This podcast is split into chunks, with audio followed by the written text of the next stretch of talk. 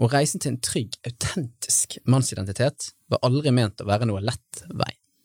Men når vi tar denne reisen sammen, så blir det mye lettere.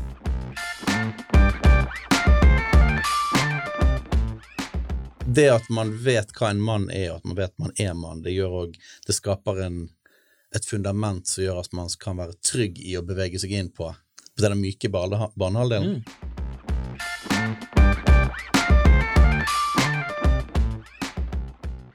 sitat som kommer til mine tanker, er at de som mislykkes, er jo ikke de som ikke gjør feil, men de som gir opp.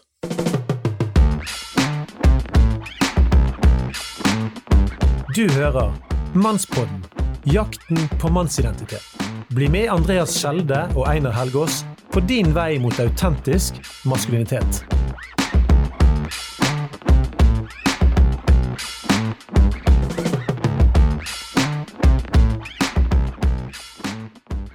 Velkommen til Mannsboden, jakten på mannsidentitet. Du hører programleder Andreas Skjelde her, og mannsguide Einar, er du klar for en ny sesong med podden? Oh yes, kjempeklar. Ja, du skulle jo være med til du var 60, så det er iallfall litt for tidlig å gi seg. Si det sånn. Stemmer det. stemmer det. Ja. Men folkens, med denne episoden så markerer vi ett års jubileum av Mannsboden, og er det noe liv i studio her? Yes! yes! Takk, takk, det var jo litt for meget, nesten. Neida, men dere skal få høre mer òg fra disse to spennende gjestene som vi skal ha med her i dag. Vi røper ikke navnet ennå. Vi røper ikke, du, du må vente litt. Hør. Men du, dette har vært en spennende og lærerik reise for oss, og vi håper mange lyttere har opplevd det samme. Og ut ifra responsen får vi iallfall inntrykk av at dette betydde en positiv forskjell for lytterne våre. Absolutt. Og reisen til en trygg, autentisk mannsidentitet var aldri ment å være noe lett vei. Men når vi tar denne reisen sammen, så blir det mye lettere. Se på Frodo. Hvis han hadde reist alene mot Mordor, så tror ikke det hadde gått så bra. Han trengte ringen, sitt brorskap, som det heter så fint. Og det er det spørsmålet vi ønsker å stille. Hvilke menn skal du dele livet ditt med? Ja, sant. Du er veldig på sporet, Andreas. Og i denne sesong to som vi er i gang med, så kommer faktisk brorskap til å bli ett av hovedtemaene med flere inspirerende episoder. Dette er rett og slett supersentral tematikk for menn. Det at ikke du skal gå alene. Mange menn tror det. Jeg kaller det for den store mannsgrøften. Du tror du skal fikse livet alene. Men det er det der til å få fram en sånn mot til å bygge relasjoner, det krever en del. Men det er så mye ja, det er så mye kjerne i, i det i forhold til det vi jobber med her. Ja, og det er, liksom, det er litt sånn som podkasten vår har utviklet seg, Einar. For vi har jo Vi begynte jo egentlig litt sånn Ok, dette her skal ikke bli en sånn altfor stor podkast, og det var kanskje litt mer fokus på det kristne, eh, maskulinitet. Men hvordan har denne rollen utviklet seg her, vil du si?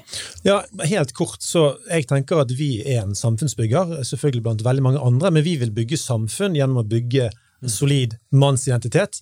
Eh, og så ser jeg at vi mer og mer har blitt en brobygger, og jeg har lyst til at vi skal være det. At vi skal, at vi skal ha folk i studio som ikke nødvendigvis står for akkurat det samme som oss, at vi bryner oss på hverandre med forskjellige meninger, ulike ståsteder. og Det ønsker jeg at vi skal få se mer av i sesong to. Eh, og vi, vi skal ikke si for masse om hva som kommer til å skje i sesongen, fordi vi har vi har spurt mange spennende folk eh, og venter litt på svar nå. Så eh, folk må vente i spenning, men, eh, men for å si det sånn, vi, vi graver dypt i snopeposen. Det skal sies. Blir ikke bedre enn det. Og da vi hadde Mannspodden live, det hadde vi i november, så fikk vi inn så mange spørsmål at vi måtte lage Grill en mann 2. Oh yes. Yes. Ja, og det, jeg tenker det er en lettbeint og fin måte å starte en ny sesong på. Eh, vi får snakket om forskjellige temaer, vi varmer oss litt opp, eh, og det blir veldig bra. Og nå er det sånn at eh, Vi har med oss et par meget solide og faktisk gøye gjester. Nemlig ja, eh, eks-geriljaleder, eh, grillmester, pastor og youtuber Steinar Lofnes fra Fana, som òg var med oss i, i Jordan Peterson-episodene. Velkommen til deg. Tusen takk skal du ha. Ja, Og så har vi med oss superpodcaster og ekspert i å holde foredrag i caps med trange bukser. Han er en kommunikator, han er pastor. Daniel Seversen, velkommen. Hjertelig takk. Herlighet. Dette blir så bra. Ja, jeg gleder meg veldig. Forresten, Steinar. Det stemmer at du har vært geriljaleder, ikke sant? Gerilja.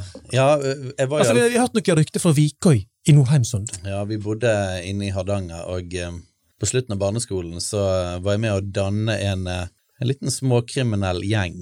Så eh, vi holdt på med alt fra organisert eh, stjeling av penger og røyk i eh, garderober til eh, massiv produksjon av eh, knallbomber. Og, eh, men det verste var vel når vi brøt oss inn i hytter og i Vegvesenlageret og brøt oss inn og stjal dynamitt. Dette var ganske friskt, Stanley Hva brukte dere dynamitten til? Får vi lov til å spørre om det, eller? Du, jeg eh, Vi fikk en ekstase av å sant, for en gutt på elleve år å holde en dynamittgubbe i hånden. Det var jo fantastisk. Så vi kastet de fram og tilbake mellom hverandre, var helt i ekstase. Og så tok samvittigheten også, så la vi tilbake igjen og så gikk vi. Oi, oi, oi, var det sånn det endte? Ja. Frisk fortid. Men du, over til, til Daniel. Altså, Stemmer det at den eneste vide buksa du har, er en regnbukse som du måtte kjøpe fordi sånn, unger vil jo ut og leke i, i, i sandkassen og sånn? Eller? Vet du hva, For å være helt ærlig, da, så eier jeg faktisk per dags dato ingen regnbukse. Og jeg kan ikke huske hvor mange år siden det var jeg eide det. Og jeg bor i Bergen, det er helt utrolig. Og eier faktisk ikke en, altså liksom en rendyrket regnjakke heller. Nei. Eh, Så det er faktisk sant. Men jeg bruker fortsatt trange bukser.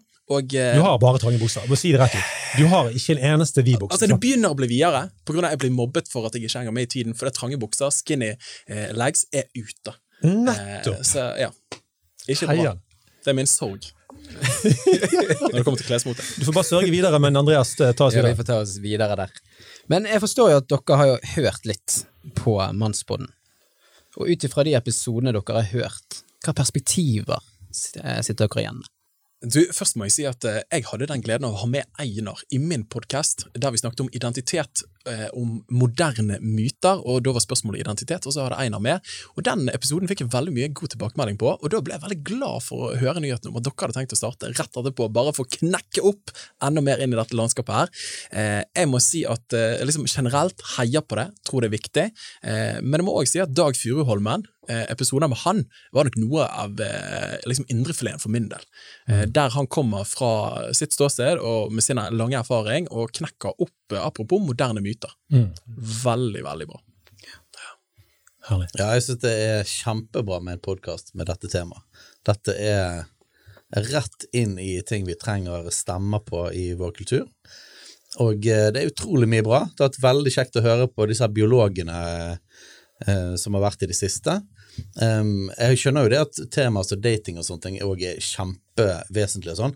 Nå merker jeg at jeg er litt sånn over den perioden, så det treffer ikke meg personlig like mye, men jeg synes det er utrolig bra med alle disse temaene. Så er det selvfølgelig kjekt å ha vært med på Jordan Peterson-episoden. Nå, nå kommer jo han til Norge. Oi. Han skal på turné, og jeg har kjøpt billetter. Det skal jeg være med på òg. Kom an.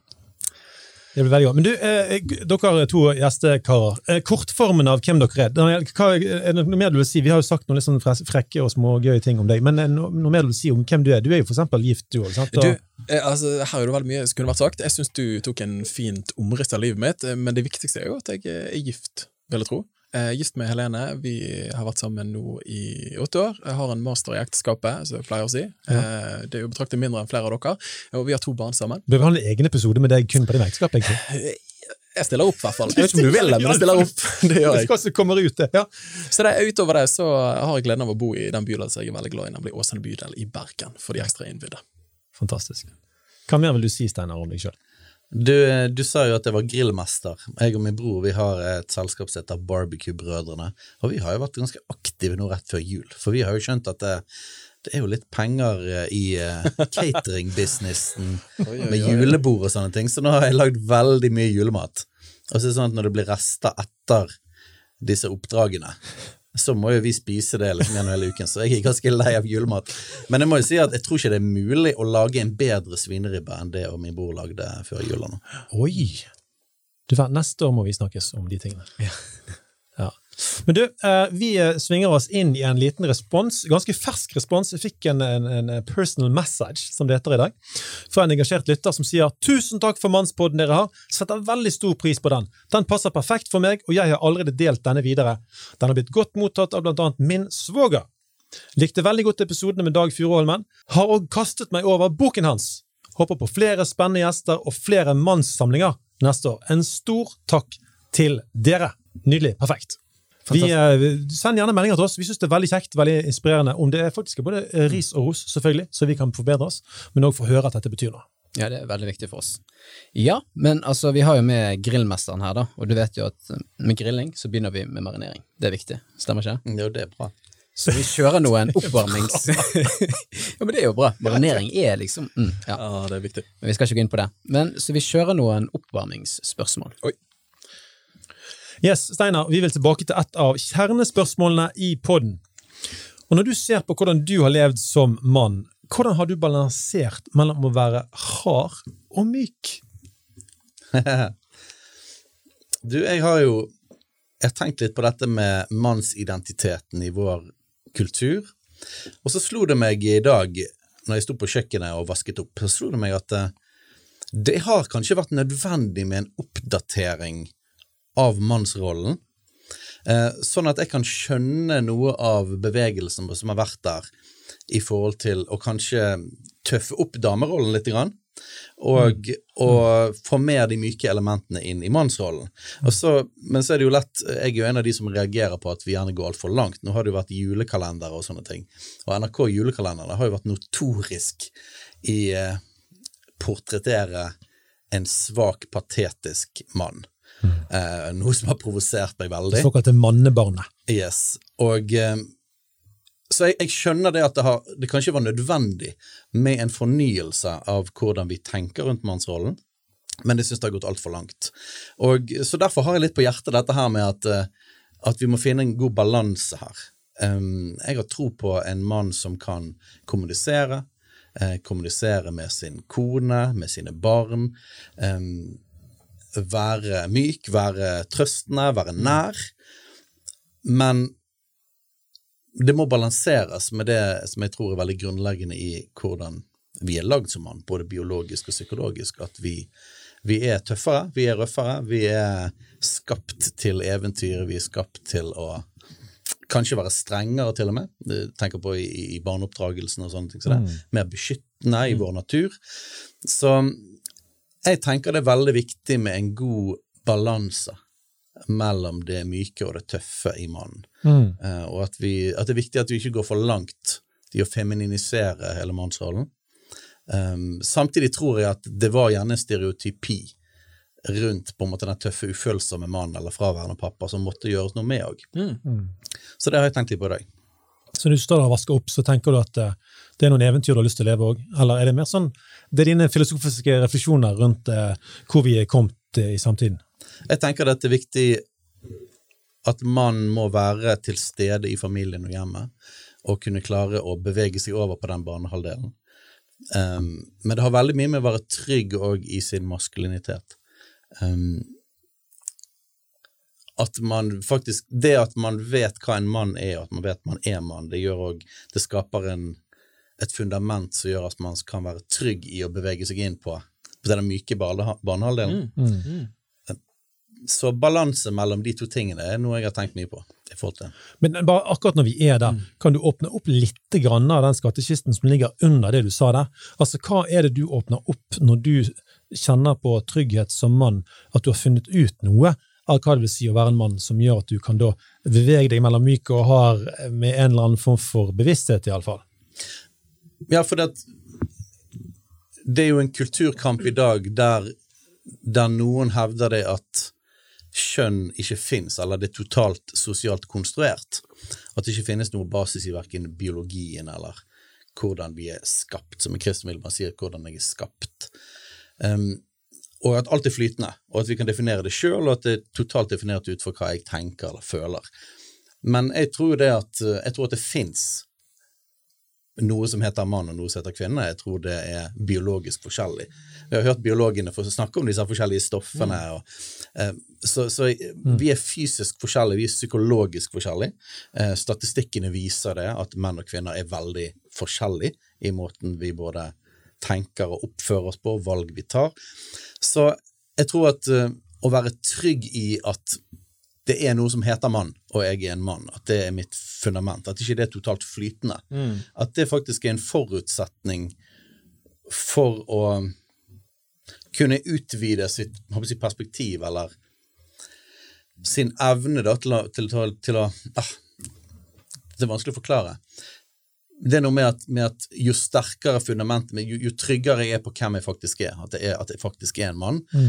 um, gjør det lettere for meg å kunne være, spille på feminine sider uten at det rokker med min, min identitet. Mm. Uh, og jeg tror at noen er Det finnes mange som kan være redd for å f.eks. være følsom. fordi at de er utrygge på identitet. For hvis, hvis, hvis,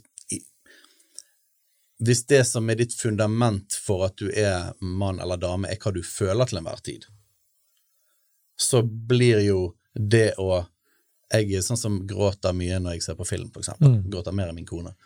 Så kan jo det være utrygt å vise følelser foran for eksempel sine venner. Mm. Sant? La oss si at det blir en rørende scene i en film, og så begynner tårene å renne hos meg. Så kan det være skummelt hvis, hvis det er følelsene mine til enhver tid som bestemmer min kjønnsidentitet. Um, men når jeg vet at jeg er mann, jeg er trygg i at jeg er mann, biologisk, psykologisk, jeg, jeg er skapt som en mann, jeg har en annen rolle, det er noe på en måte et fast fundament som jeg står på, så er det mye lettere, tror jeg, å kunne gråte sammen med mine mannlige venner. For dette rokker ikke med identiteten min. Mm. Jeg vet, ikke om, jeg vet ikke om det ga mening, men eh, ja. Veldig fint eksempel. Ja, det var kjempebra. Ja. Da tenker jeg at vi kaster videre på Daniel, da. Mm. Og det er jo sånn at det er mange identitetsforvirret vestlige menn. Vi ser iallfall mannebarnet, som ble nevnt, eh, som Steinar nevner. Og hvordan var det for deg, eh, Daniel? Vokste du opp rundt eh, alfahanner på Åsane, eller hvordan, hvordan opplever du dette, at liksom menn er forvirret? Du, Veldig godt spørsmål. Jeg tror, eh, jeg tror som de fleste barn som vokser opp, så har man ikke et veldig sånn reflektert forhold til eh, disse tingene når man er ung og går på barneskolen. Eh, Det er nok heller opp i tenårene at disse spørsmålene virkelig begynner å banke på døren, og, og, og kanskje ikke direkte får det eksplisitt. Hva er en mann? Er jeg en mann? Hva innebærer det? Videre. Men du speiler deg i øynene til de andre, og du speiler deg i kjønnsrollemønstrene som du ser rundt deg. Um, For min del, så, for å være veldig personlig, så eh, kommer jeg fra en familie der pappa han er skikkelig mann. da. Eh, og så blir jo et stort spørsmål men hva er skikkelig mann? Men i hvert fall en litt mer sånn klassisk, stereotypisk forståelse av mann. Han skrur bil, utdannet maskinist, eh, han er sterk fysisk, han er høy. Han er liksom Det drypper testosteron, da. Og så mamma er jo kanskje motpol. Hun er kanskje enda mer liksom stereotypien av en kvinne, at hun er følsom og snakker. Og husker jeg helt fra jeg var liten, så var det sånn Daniel, vi må ta og snakke om, om kjenslene våre. Sant? Og jeg har vokst opp med en mor som liksom, når jeg kommer hjem fra skole Daniel, fortell meg hvordan var skoledagen din? Daniel, hva føler du nå? Jeg ser du er lei deg. Kan du sitte ord på det? Så jeg tenderte nok mer ganske naturlig til mamma, for at min altså Ordet legning er ja, La meg ikke bruke det ordet. kanskje. Temperament. Temperament, eh, personlighet, var noe mer mot min mor. da. Ganske følsom, sensitiv, eh, og jeg har båret det med meg. Eh, Jeg opplevde nok det som en ganske utfordring på barneskole og ungdomsskolen, for at jeg opplevde meg kanskje mer fryktfull. Mer reflekterende enn et par andre av, av kompisene mine. For eksempel når vi skulle gjøre noe. Ja, men 'Det er jo ikke noe vanskelig, vi bare gjør det', liksom. Jeg bare, ja, men, men tenk visst, da. Eh? Og, og kunne nesten tenke 'er dette litt for feminint'? Men så må jeg si, jo mer jeg har landet i den forståelse av at, eh, at min kropp er meningsbærende i seg sjøl, så det at jeg trenger ikke å se innover i min subjektive selv, hva emosjonene mine har å melde, hvem jeg er, for min kropp forteller meg hvem jeg er, så da må jeg komme på linje med det istedenfor. Og det er jo en teleologisk virkelighetsforståelse, som var vanlig fram til eh, darwinismen kanskje kom og overtok the game. Det kan vi snakke mer om. Eh, men jeg har erfart at, at de sensitive sidene da, eh, har vist seg å være en kjemperessurs i relasjonsbygging, i lederskap og ikke minst i kommunikasjon, som vi gjør mye. Eh, For faktum er at vi alle føler, og vi alle tenker. Mm. Så det å kunne og der En veileder som jeg har, som heter Eilif Haal- eh, Haaland, som eh, er allmennlege og hjulpet meg mye, eh, han har alltid liksom presisert at denne normalitetsvinduet trenger vi å utvide. For det er større enn det det ofte blir presentert som, da, som gjør at mange erfarer å falle utenfor og begynner å stille spørsmålstegn med sin egen identitet og hvem de er, på grunn av at de ikke passer inn. Og Dette er jo noe som er snakket mye om, eh, men det tror jeg er viktig å løfte høyt. da. At, eh, at og som Steiner sier, som kristne så tror vi at vi er skapt, og vi tror at det, at, at det skaperintensjonen som ligger bak mennesket, er, er stort. da. Og det er et mangfold her som er større enn det som eh, gjerne eh, projiseres fra Hollywood og andre steder til ulike tider. Men når du beskriver litt det her eh, følsomme, da, det sensitive Mm. på ungdomsskolen, hvordan var Hvordan eh, opplevdes hele den fasen der? For det kan jo være at noen får den fasen kanskje litt seinere, de begynner eh, på studiet eller de begynner i yrkeslivet, og de klarer liksom ikke helt å finne ut hvordan skal jeg være en mann når jeg er liksom kanskje veldig sensitiv eller har mange følelser. Hvor var det du liksom knakk koden, eller plutselig bare ble komfortabel i deg sjøl hvis det Godt spørsmål. Eh, Her kunne man sikkert røst lenge. Jeg tror nok eh, Da må jeg være helt ærlig, for min del, med et veldig tydelig kristent ståsted, og, og, den litteraturen som Bibelen representerer, og den tradisjonen som den kristne tro representerer, og ikke minst fellesskapet av andre som mener det samme, eh, som gjerne kalles kirke, har vært veldig viktig for meg til å kunne få lov til å skyte dype røtter ned, sånn at jeg kunne få strekke greinene mine opp. Da. Og da landet det noe litt i at, at sånn jeg føler, det er greit, og det er ikke alle følelsene mine som er sannhetsbærende, men jeg kan anerkjenne følelsene. Eh, og jeg er skapt på denne måten her. Eh, og så betyr det ikke nødvendigvis at jeg må leve ut alt jeg føler og tenker, men jeg kan anerkjenne at det er der, og så må jeg lede det i riktig retning. Da. Eh, og så tror jeg òg sammen med noe så enkelt som mestring. Da. Men erfare at de tingene som jeg opplevde, kanskje er dette bra, er dette rett, er jeg skikkelig mann, jeg burde bruke mer X-parfyme, liksom. Altså, eh, men erfarer at disse tingene som jeg tenkte var et abar, viser seg å være en ressurs. da. Eh, og Min svigermor er jo en av eh, mine helter, eh, sammen med min mor. Men hun pleier å si om meg og min kone dere har tynne tråder. Og det har liksom vært hennes lingo for at, at jeg forstår med en gang hvis det er noe med Helene, og hun forstår det med meg. Så det er akkurat som vi er litt på samme bølgeplan. Så jeg er ikke den mursteinen eh, som gjerne liksom 'Daniel, nå har jeg vært sur i to uker, forstår du ikke?' Altså, jeg plukker det opp liksom én gang, og motsatt. Eh, og det opplever jeg er kjempebra når vi opplever å spille på de tynne trådene på en god måte. Da. Men det er ikke alltid vi gjør det. Nei, kom an, kom an. Det er bra. Du er, du er liksom litt androgyn, som det kalles. jo Da. Altså, du har en sånn, et komponenter fra det maskuline og det feminine som samvirker veldig godt. Da. Altså, du har androgyn? Androgyn, ja. Oi, det er, sånn, meg det er en sånn kobling av feminitet og maskulinitet. Ja. Men du har jo omfavnet det og gjort det til en ressurs istedenfor at du slåss mot en slags fiende, din følsomhet. Sant? Og så har jeg lyst til å bare skyte inn sant, at Daniel holder på med flere podcaster, jobber mye med kommunikasjon, mm. og det at du treffer så godt det er noe med at den ressursen du nettopp har beskrevet for oss, og den reisen du har hatt der, er faktisk en del av grunnen, tror jeg, til at du høres på av veldig mange. Da. Mm. Jeg har lyst til å gi deg den, den, eh, den her og nå. Ja, men Takk for det. Mm. Androkyn. Ja, ja, du, Gå hjem og slå du. Kom igjen. Einar er et levende leksikon, så det er bra. Eller ordbok blir det vel riktig å si.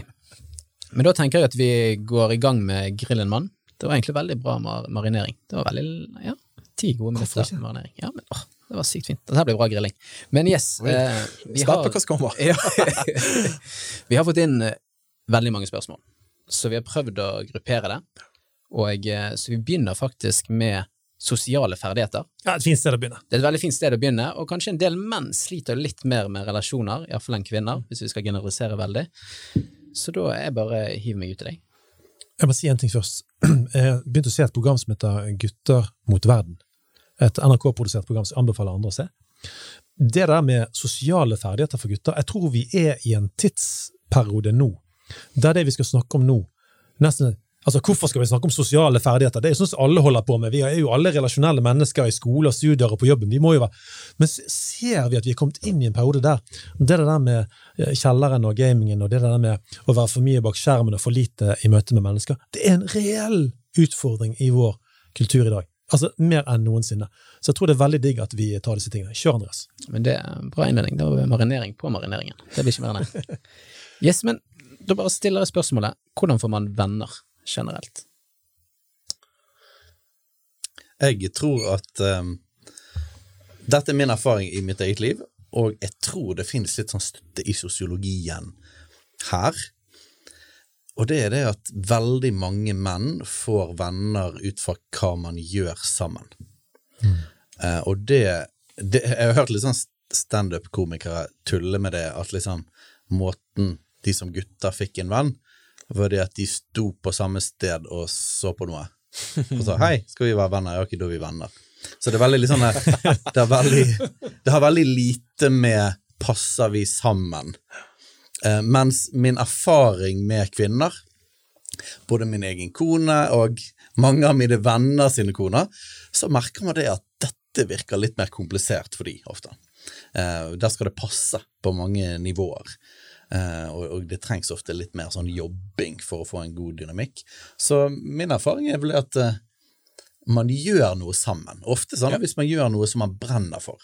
Mm. Det, det, kan jo være alt fra idrettsaktiviteter til eh, forskjellige ting man holder på med, og klubber, eller arbeid. Man, noen man jobber sammen med. Mm. Eh, og til og med bare sånn å jobbe sammen fysisk er jo en utrolig god måte å bare bli venner på. Jeg tror at veldig mange menn har det sånn. at eh, hvis du kan fokusere på noe annet enn å bli venn Altså du kan fokusere på noe annet enn det å kommunisere eller snakke eller føle og koble. Ja. Du kan fokusere på en ting sammen, så blir det en kobling i det. da. Ja. Det kalles, skulder, det det kalles skulder til skulder-vennskap. sant? Du står skulder til skulder, og så ser du på dette. Ja. Får vi fisk i denne elva? Vinner Liverpool mot Arsenal? Og så videre. sant? Og så finner vi hverandre i det. Og Det tror jeg er veldig viktig å anerkjenne. Altså En standup-komiker kan sikkert uh, harselere med de gutta Mm. som på en måte trenger Som om det var liksom en, en sånn slags eh, krykker vi trengte for å bli venn, fordi vi ikke klarer å sette oss ned på kafé og bare la slarver gå. Sant? Men jeg tror vi bare anerkjenner at dette, dette tror jeg henger sammen med the fabric of men. da. Altså hele biologien vår, sånn som vi er lagd. Men det betyr ikke at man skal tenke at de som går rett på en kafé og setter seg ned over den koppen og klarer det i timevis, det, det er ikke noe galt i det. Men jeg tror det er riktig som du sier, Stein, at for mange menn så, så trengs faktisk den aktiviteten. Og Det er derfor jeg for eksempel, jeg, jeg syns det er greit med jaktlag med bare menn. jeg. Eh, Jeg synes Det er ikke viktig å kvotere inn 50 jaktende kvinner, eh, og så får ikke de gutta slå de vitsene som de eh, hadde så lyst til å slå, og skape sin mannskultur.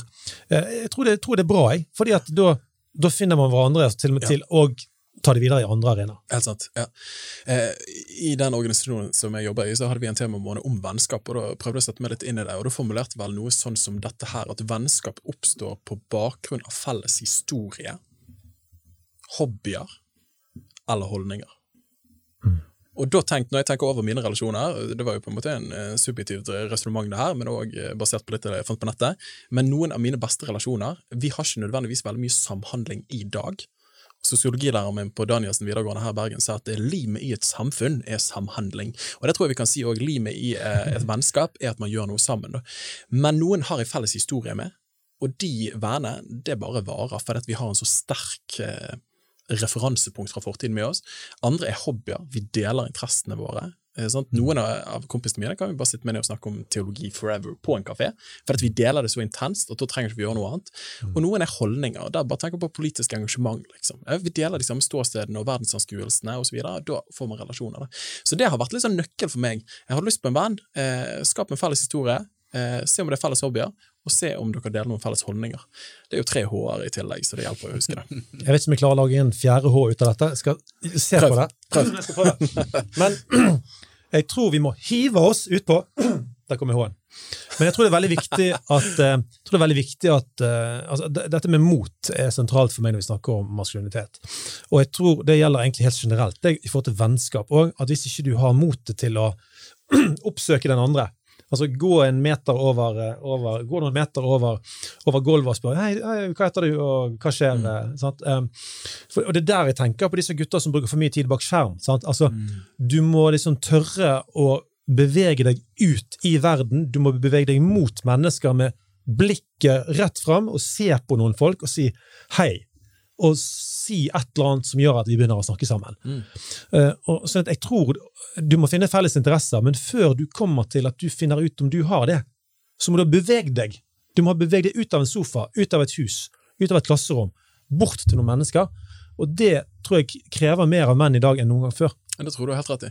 Jeg eh, leste en veldig interessant studie for en del år siden. En som heter Sean, Sean Twench, en, eh, en professor fra UCLA eller noe sånt, tror jeg. Hun skrev en bok som het iGen, der hun tar sosiale medieinntoget og iPhone fra 2007 og ser på grafer på om eh, hvor mye de henger sammen, eh, hvor mye de dater.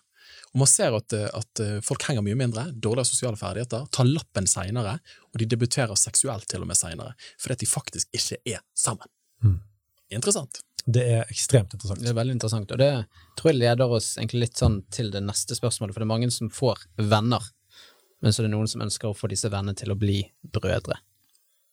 Og det er jo enda dypere, ikke sant? Det er kanskje mer enn bestevenn er kanskje et uh, tilsvarende ord. Ja, hva sier vi, menn? Sier vi bestevenner? Sier, min kone sier hjertevenn. Jeg, Hjertevenn. jeg føler det er litt for mykt. Hjertevenn, Ja, det- det er altfor mykt. hva tenker dere? Jeg tenker hjertevenn. Hvis, uh, hvis du er komfortabel med den du er, så kjør på med hjertevenn, tenker jeg. Men hvordan skal vi få disse her vennene, eller noen få venner, til å bli hjertevenner, eller brødre, eller eh, Ja, jeg Jeg har lyst til å skyte inn uh, dette med sårbarhet og ærlighet. Uh, og, og jeg får nesten lyst til å bare hive, hive opp igjen en av historiene fra Dag Furuholmen-episodene. Uh, de som har hørt dette, jeg skal si litt kjapt, men det var en kar som kom til Dag Furuholmen og fortvilet over hyttetur med kamerater, som han hadde gjort sammen med de i mange år, men det var overfladisk hele tiden. Det var bare overfladisk. Så han fikk et tips fra, fra Furuholmen. Eh, inviter ut én og én. Del først noe personlig, du, og se hva som skjer. Og det som er helt utrolig, er jo da at person etter person, kamerat etter kamerat, åpner seg momentant når han åpner seg. Og Jeg har sett dette, dette sjøl i mannsgruppen som jeg er med i, eh, andre steder. Og jeg er jo litt sånn, jeg, har- jeg har jobbet så mye med dette at jeg sitter nesten litt sånn, eh, har det litt sånn gøy. Jeg, jeg sitter der og så bare sier jeg et eller annet med, med meg og min kone som ikke funker bra om dagen. Og så bare åpner de andre seg opp én etter én og forteller om et eller annet eh, tull i deres ekteskap òg. Eh, og det tror jeg da tror jeg det må bli brødre i stedet for bare noen venner eh, begynner å utvikle seg med. Da. Sånn at kan vi faktisk dele altså, det faktiske livet, de faktiske følelsene vi har, istedenfor at vi jobber med sånne fasader og prøver å liksom framstå så og så akademisk eller så og så sporty eller noe sånt. Mm. Kan jeg slå et slag eh, for de som sitter i kjelleren der og syns dette er fryktelig vanskelig? For det er til og med, for jeg er helt enig med den sårbarheten, det, det motet å ta det valget, men det kan være en utrolig høy terskel for en del folk. Og jeg tror at vi gjør eh, Hvis dette skal være nyttig for noen som sitter der og sier at jeg, jeg trenger nære venner, jeg trenger, jeg trenger venner, hvordan går jeg fram?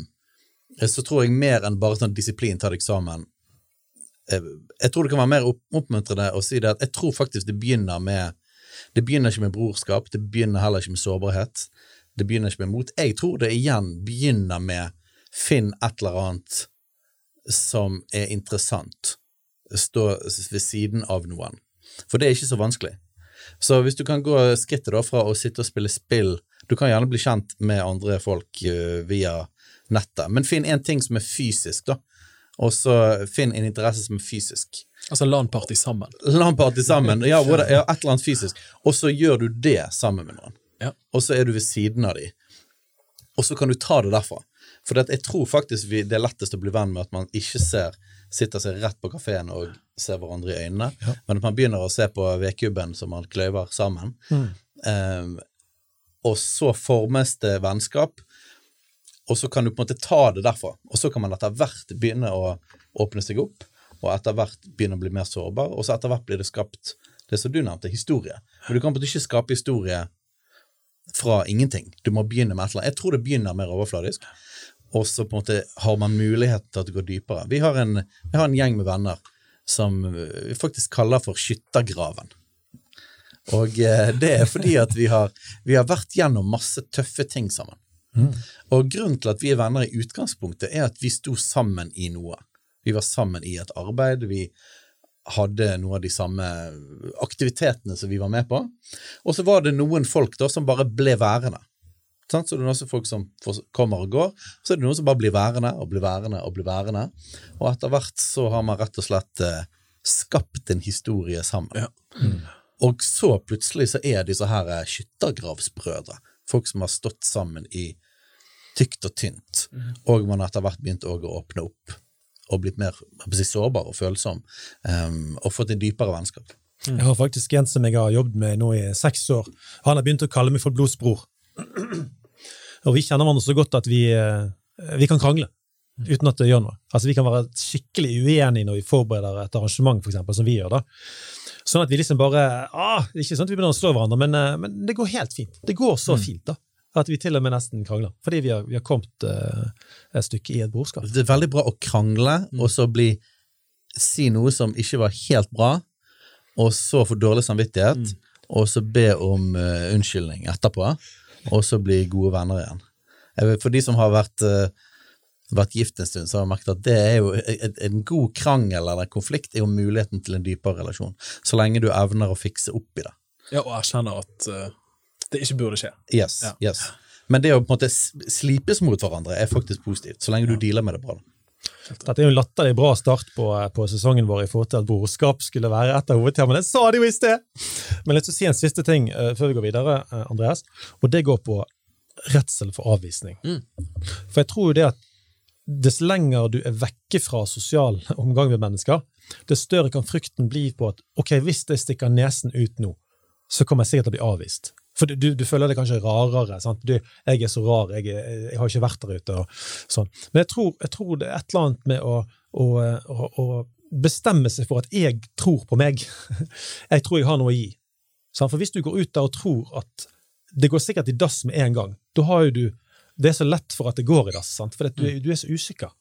Uh, og jeg, jeg, vet at det, det, det, er ikke bare å si 'slutt å være usikker' og knipse. Jeg vet at det ikke er så enkelt. Men på en eller annen mystisk måte så tror jeg man må ha tro på seg sjøl. For det der som jeg sa i sted, med å, og jeg, jeg, står fortsatt inne for at det trengs mot her, Steinar. At det der å gå til noen og si hei, mm, mm. og begynne, det krever et mot. Og du må faktisk tro at du har noe å gi inn i det. Mm. sant? Helt enig. Eh, og, og der, så redsel for avvisning det er noe som må på en måte bekjempes. Jeg sier ikke at du skal bli en steinhard type som ikke har noe sånn følelse i deg, men hvis den overmanner deg, så kan den føre til at du ikke går ut av huset. Og her tror jeg det er viktig, sånn som Steiner sier, man snakker om det samme her, men det er å bevege seg eh, i, i takt med den grad av mot man har i den situasjonen. Da. At man ikke tar de største stegene, men de små stegene. Også over eksponering, sant? Eh, så vokser man. Um, ja. Ja, Det tror jeg er veldig bra. Jeg tror vi liksom har kommet inn mot, eh, mot. Men jeg har jo bare en oppfordring òg, når det kommer til vennskap. For jeg har en kompis, sin lillebror, som er jo litt en del yngre, og han beskriver at når han gikk på videregående, så han kunne han telle på én hånd hvor mange ganger han hadde kompiser på besøk i løpet av tre årene. Mm. Så her tenker jeg foreldre, ungene må møtes. Bare få de ut, og til at de møtes fysisk, har et landparty eller hva det skal være. Det tror jeg er veldig viktig. Så det er oppfordringen min her. Men da tror jeg vi hopper videre fra sosiale ferdigheter. Og da kommer vi egentlig Vi har snakket litt om dette her, da, men det er mot, da hvordan eh, skal du bruke mot i daglige situasjoner? Steinar? hvordan bruke mot i daglige situasjoner? Um, en sånn viktig definisjon av hva mot er, da, er jo det at mot er ikke fravær av frykt. Så, mm. så den mest modige er ikke den personen som aldri følte at noe var vanskelig, men det er den som da på tross av den frykten, mm. velger å gjøre det man frykter likevel. Sant? Fordi man mener det er riktig, eller eh, det er en rett. Jeg hørte faktisk eh, Elon Musk i dag, en podkastepisode av han, der han eh, det var flere som snakket med han om hvordan liksom, har du tørt å ta disse her stegene. Og så sitter Han han er jo veldig følsom. Sitter han og gråter da, og sier det at jeg, jeg har ikke gjort disse tingene fordi at det, det var fravær av frykt jeg er faktisk veldig følsom. Han mm. sa det, kjente veldig på frykten. Um, men det var noe liksom sterkere som dreiv han. Uh, han, han, klarte, han ville ikke gi opp. Han nektet å gi opp. Liksom, han skulle nå målet. Mm. Så, um, så, jeg tror jo at hvis vi skal eh, så kunne se mot ut i hverdagslivet Jeg tror det Man må jo ha en retning, da. Man må vite hva man vil.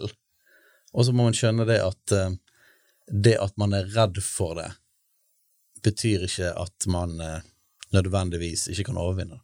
Mm. Så man må ha et mål, da. Så du kan på en måte ikke mot kan på en måte ikke Mot må knyttes mot noe, eller det må, må, må, knyttes med en retning. Mm. Så hvis man er retningsløs, eller visjonsløs, så blir det òg utfordrende å på en måte bruke mot. Helt enig. Jeg tenker på et sitat i forlengelsen av det Steinar sier der, eh, at 'vision gives pain a purpose'. Så det hvorfor skal jeg uttale smerte hvis jeg ikke har en visjon og en retning som beveger meg mot det? Så dette her er jeg helt enig Skal man utøve mot, så må man òg vite hva som er målet. Men vet man hva målet er, så kan det være mange distraksjoner og hindringer langs den veien der, men jeg vet jeg skal fram dit. Så det, da er ikke det et alternativ å backe bart tilbake, for jeg skal et sted. Men trenger ikke du et verdigrunnlag under dette for å ha noe å gå mot? Jeg tror jo virkelig at uh, altså livsforståelsen og hva som er meningen med livet, er jo det som danner noe av målet for livet. Eh, og det henter man igjen fra verdensforståelsen man har. Eh, verdiene som man holder for sant, eh, som man henter fra ulike kilder i det samfunnet som vi er en del av. Jeg personlig henter det fra den kristne fortellingen som er åpenbart i bibelboken, og som den kristne tradisjonen har holdt høyt gjennom flere tusener år, og vist seg å være slitesterk, både for enkeltmennesker, men ikke minst for hele det vestlige samfunnet som vi i stor grad er preget av. Vi puster i kristen luft om vi vil det eller ikke. Mm. Eh, så jeg tror at mange av idealene våre eh, om man tenker over det, eh, litt lenger tilbake, stammer fra en forståelse av mennesket, hva som er godt og hva som ikke er fullt så bra, hvordan man skal være i relasjoner, osv. Eh, ja, hvis det var et svar på ditt spørsmål. Ja, jeg skjønner poenget ditt. Altså, eh, Hvis du har en klar moral og en klar ønske om at du skal gjøre verden til et bedre sted, sant? så vil det jo lett, være lettere for deg å finne ut hva du skal bruke dette motet ditt til. Altså, Hva skal du gå ut og gjøre, da? Hva skal du være en klar, være en klar stemme for? Mm. Altså, Sitter du i et festlig lag og man snakker om politikk eh, Man kan, kan jo si at man er enig med alle for å komme seg unna, men du har jo gjerne noe i deg som du da skal ytre, og tørre å ytre, selv om andre måtte være uenig med deg, Mm. For eksempel. Så finn ut hva du vil, finn ut hva som er viktig for deg. Finn ut hva retningen er, hva du faktisk vil oppnå. Og hvis, du- hvis du merker deg at eh, dette som jeg vil egentlig, hvis jeg er ærlig med meg selv, dette er det jeg vil, dette er veien jeg vil gjøre, dette er det jeg vil oppnå, men det som hindrer meg er frykt, da eh, har du en situasjon der du trenger rot. Så det er et eller annet som står mellom på en måte, målet ditt og det du faktisk egentlig ønsker, og der du er nå. Eh, og da er mot eh, et veldig viktig verktøy. Da må du jobbe mot frykten. Du må tenke at det er verdt, det er verdt å overkomme noen obstacles. Og så er det, er det også sånn, det, det vi er nødt til å si, at om du skulle feile én gang, eller to, eller tre, så betyr det faktisk ikke det én gang at du er på feil vei. Det kan fortsette bety at du er på riktig vei, men du må tåle at du feiler. Vi har jo denne snowflake generation-greien, med at man, man smelter for det minste, den minste pust. Eh, og, og, og jeg Vi må bare anerkjenne at det fins, altså. Jeg, jeg kjenner, men jeg kjenner at det jeg blir litt sånn Må det være sånn? Vi må hjelpe hverandre til trygghet som mennesker, sånn at vi kan være ekte sammen, og at ikke vi bare prøver å, å glatte over ting og, og prøve å unngå å, å være ekte og ærlige. da. Du, skjønner dere hva jeg sier? Definitivt. Et, et sitat som kommer til mine tanker, er at de som mislykkes, er jo ikke de som ikke gjør feil, men de som gir opp. Og Jeg synes det er veldig bra sagt, for at livet består jo av seire, men også sorger og tap. Og det er en del av den reisen som vi er en del av, og jeg tror vi alle som sitter her kunne fortalt mange beretninger for våre liv av ting som gikk som vi ikke kunne ønske, men som samtidig er med å utforme oss til de vi er i dag. Da. Eh, Så dette, med tidens blikk, så kjenner jeg at eh, et par av de tragediene man gjerne skulle vært uten, er man kanskje takknemlig for i dag. For dette former en. Jeg synes det er veldig oppmuntrende også at jeg tror vi alle er mye sterkere enn vi tror. For når vi kjenner på smerte eller kjenner på frykt, så tenker vi at nå er det, nå er det ute med meg. Jeg klarer ikke mer. Jeg, jeg, tror- jeg, tror ikke det finnes noen som ikke har sagt vet du hva, nå klarer jeg ikke mer, dette er for tøft for meg. Men, men realiteten er at vi klarer mer. da. Vi klarer så utrolig mye mer enn vi tror. Og eh, så på en måte det med å stoppe når du kjenner på liksom, den begrensningen din, eller kjenner på frykten, eller kjenner på smerten, det er utrolig trist, for det at man får ikke tatt ut sitt potensial. Så jeg tror jo egentlig ikke at folk er snowflakes. Jeg tror de, at de tror at de er snowflakes. Men faktisk så er det menneskeheten er menneskeheten, og vi er de samme. Man har bare ikke vært like vant med som tidligere generasjoner som har gått gjennom krig og sult og oppbygging i landet, alle de tingene der. sant? Det, har kommet lettere for oss, vi har en mer behagelig livsstil, og så vi har ikke blitt trent på det. Sant? Vi har ikke vært uh, ute på fiske like mye uh, og kjent på at jeg klarer ikke mer, jeg holder på å dø, jeg, jeg holder på å dø av eh, sjø, sjøsyke, jeg har ikke mer krefter igjen. Og du har ikke blitt pushet, sant? Eh, og så oppdager man at man fikk faktisk det til, man klarte det. Neste dag kom, neste dag, neste dag kom, og så ble man sterkere. Altså, vi, har ikke fått, vi har ikke blitt pushet over de grensene. Så hele snowflake-greien tror jeg på en måte er en sånn illusjon av at jeg, jeg, man tror man er svakere enn man faktisk er, fordi at man har ikke fått blitt pushet forbi de grensene. Jeg husker da jeg studerte pedagogikk, lærer, så snakket man om tillært hjelpeløshet. Oi. Eh, og det er ganske fascinerende begrep, da. Eh, men elever som ikke blir utfordret sterkt nok på å erfare mestring, så bare tar man de enkleste matteoppgavene, for man tenker at jeg klarer ikke mer. Men idet de blir pushet til sin nærmeste utviklingssone, så er det kanskje vanskelig, det er vondt og det er krevende, men de får det til. Eh, Så dette, vi trenger å avlære oss den tillærte hjelpeløsheten eh, på en hel del områder. Men det høres jo litt ut som vi bør eh, i militæret hele gjengen. Jeg, jeg var sivilarbeider, så jeg var ikke i militæret. Men, altså, for det er jo et sted der du kan ikke velge Hva er det flere som ikke har vært i militæret? Er det sånn det? Ja. Ja, ikke jeg heller. Jeg var jo sivilarbeider med deg, Einar, i laget. Jeg er klar over det. Herlighet. Men, men jeg er helt, vet du hva, jeg tror militæret har vært kjempegodt oppdragende på akkurat dette punktet. Jeg er ikke stolt at jeg ikke var militæret. Jeg gjorde en veldig god jobb eh, i, i det jeg holdt på med. det Men, men det viktigste er jo på en måte ikke om du har vært militær eller ikke. Det var et veldig godt redskap for samfunnet, tror jeg. Um, Et danningsredskap. Et, ja, nå. danningsredskap. Men det viktige er jo det at du har fått blitt prøvd, du har blitt pushet, du har blitt tatt over grensene dine, utover det som er egentlig komfortabelt for deg. Så merker du at 'ei, det holder, jeg får det til. Jeg husker En annen episode vi hadde, så snakket vi om det med å være far, og mange som er redd for å få barn. Og for meg det er det sånn der, det er sånn budskap for meg. Jeg tror så mange er så mye mer redd for det enn de egentlig trenger, for jeg tror det ligger i folk. Vi, de er, vi har så mye mer på lager enn det vi tror. Så man må bare her blir det motet da, til å på en måte face den smerten. Tro det at vet du hva, det er mer i meg, jeg, har, jeg, jeg klarer faktisk å få det til. Og når du, blir, når du blir satt i situasjonen, så merker du at du har mye mer enn du tror. Vi er tøffere enn det vi tror, altså. Jeg tror det, det er fra militær setting. Jeg har hørt noe sånt som at når du sier at du er helt utslitt og ikke klarer mer, da er det 40% igjen. Det stemmer. Stemmer det? Og det er jo utrolig kult. Mm. Og jeg tror vi, jeg tror, jeg, Nå har jeg bare lyst til å si til hele det norske samfunn som hører på oss nå, de gjør det, sant? At vi må bare trene hverandre. altså. Vi må bare skape treningsarenaer. For vi trenger å utvikle evne til å tåle smerte, og til å tåle mange tap på rad. La oss si en fyr som driver og bygger opp en bedrift. Unnskyld meg, hvor mange har, som har lagd bedrifter, har ikke vært gjennom et sørens elendig opplegg i et år eller to eller tre. Og så plutselig, så, etter 10-20 år, så er det sånn kjempesuksess. og sånn. Men så har vi vært den med elendighet, og de kunne gitt opp på andre eller tredje feilen eller femte feilen, men det blir så feil. Så vi trenger flere treningsarenaer, og vi trenger å hjelpe hverandre til å og, og, og Én ting er jo lange turer i fjellet og militær. Altså det, det er så mange ting vi kan gjøre, da. Men, et, men ting som gjør at vi, vi kjenner vi mestrer. Vi kom over noen kneiker, og så og har det overføringsverdi til andre områder av livet. Kanskje plutselig dating. plutselig sant? Du vil ha en jobb som du egentlig syns virker litt skummel, men så tenker du ah, jeg, give it a shot. Jeg prøver meg på å gå den veien, for det er der hjertet mitt er nå. Og så, og så tør du faktisk å gjøre det. Det tror jeg er bra. Ja, veldig bra. Ja, og jeg tror, jeg tror dette her henger jo egentlig også sammen med vi skal gå inn for en landing her egentlig, men med sosiale ferdigheter. da. For jeg har hørt et saying som sier at mot er definert hvor mange mennesker som tror på deg.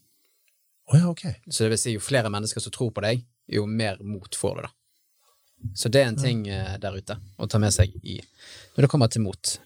Men da eh, går vi videre inn for en eh, landing her, ja, i eh, Grill en mann. Vi skal jo ha en episode til med grilling her nå. Vi skal jo det, selvfølgelig. Så det, vi må bare rett og slett eh, på en fin måte avslutte denne episoden, eh, min gode venn Andreas. Så kom an, januar 2022, en glimrende tid til å dele mannsbåten med fem menn du mener vil ha glede av den. Og bli med i Facebook-gruppen vår. Det pulserer fint i det fellesskapet, så heng deg på. Fortsett å skrive reviews og gi oss stjerner på Apple Podcaster, så får enda flere høre, fordi den stiger i søkemotorene. Nettopp. Men nå takker vi for oss på slovensk. Adijo! Hvem skal fri hånden ut av tårnet? Ja, hvem skal storme slottet? Mens du venter på neste episode, del gjerne Mannsbåten med fem andre menn, så de kan koble seg på jakten på mannsidentitet i en kjønnsnøytral tid. Hvis du ønsker å lære enda mer om denne tematikken, følg Mannsbåten på sosiale medier. Vi snakkes. Oh, oh, yeah.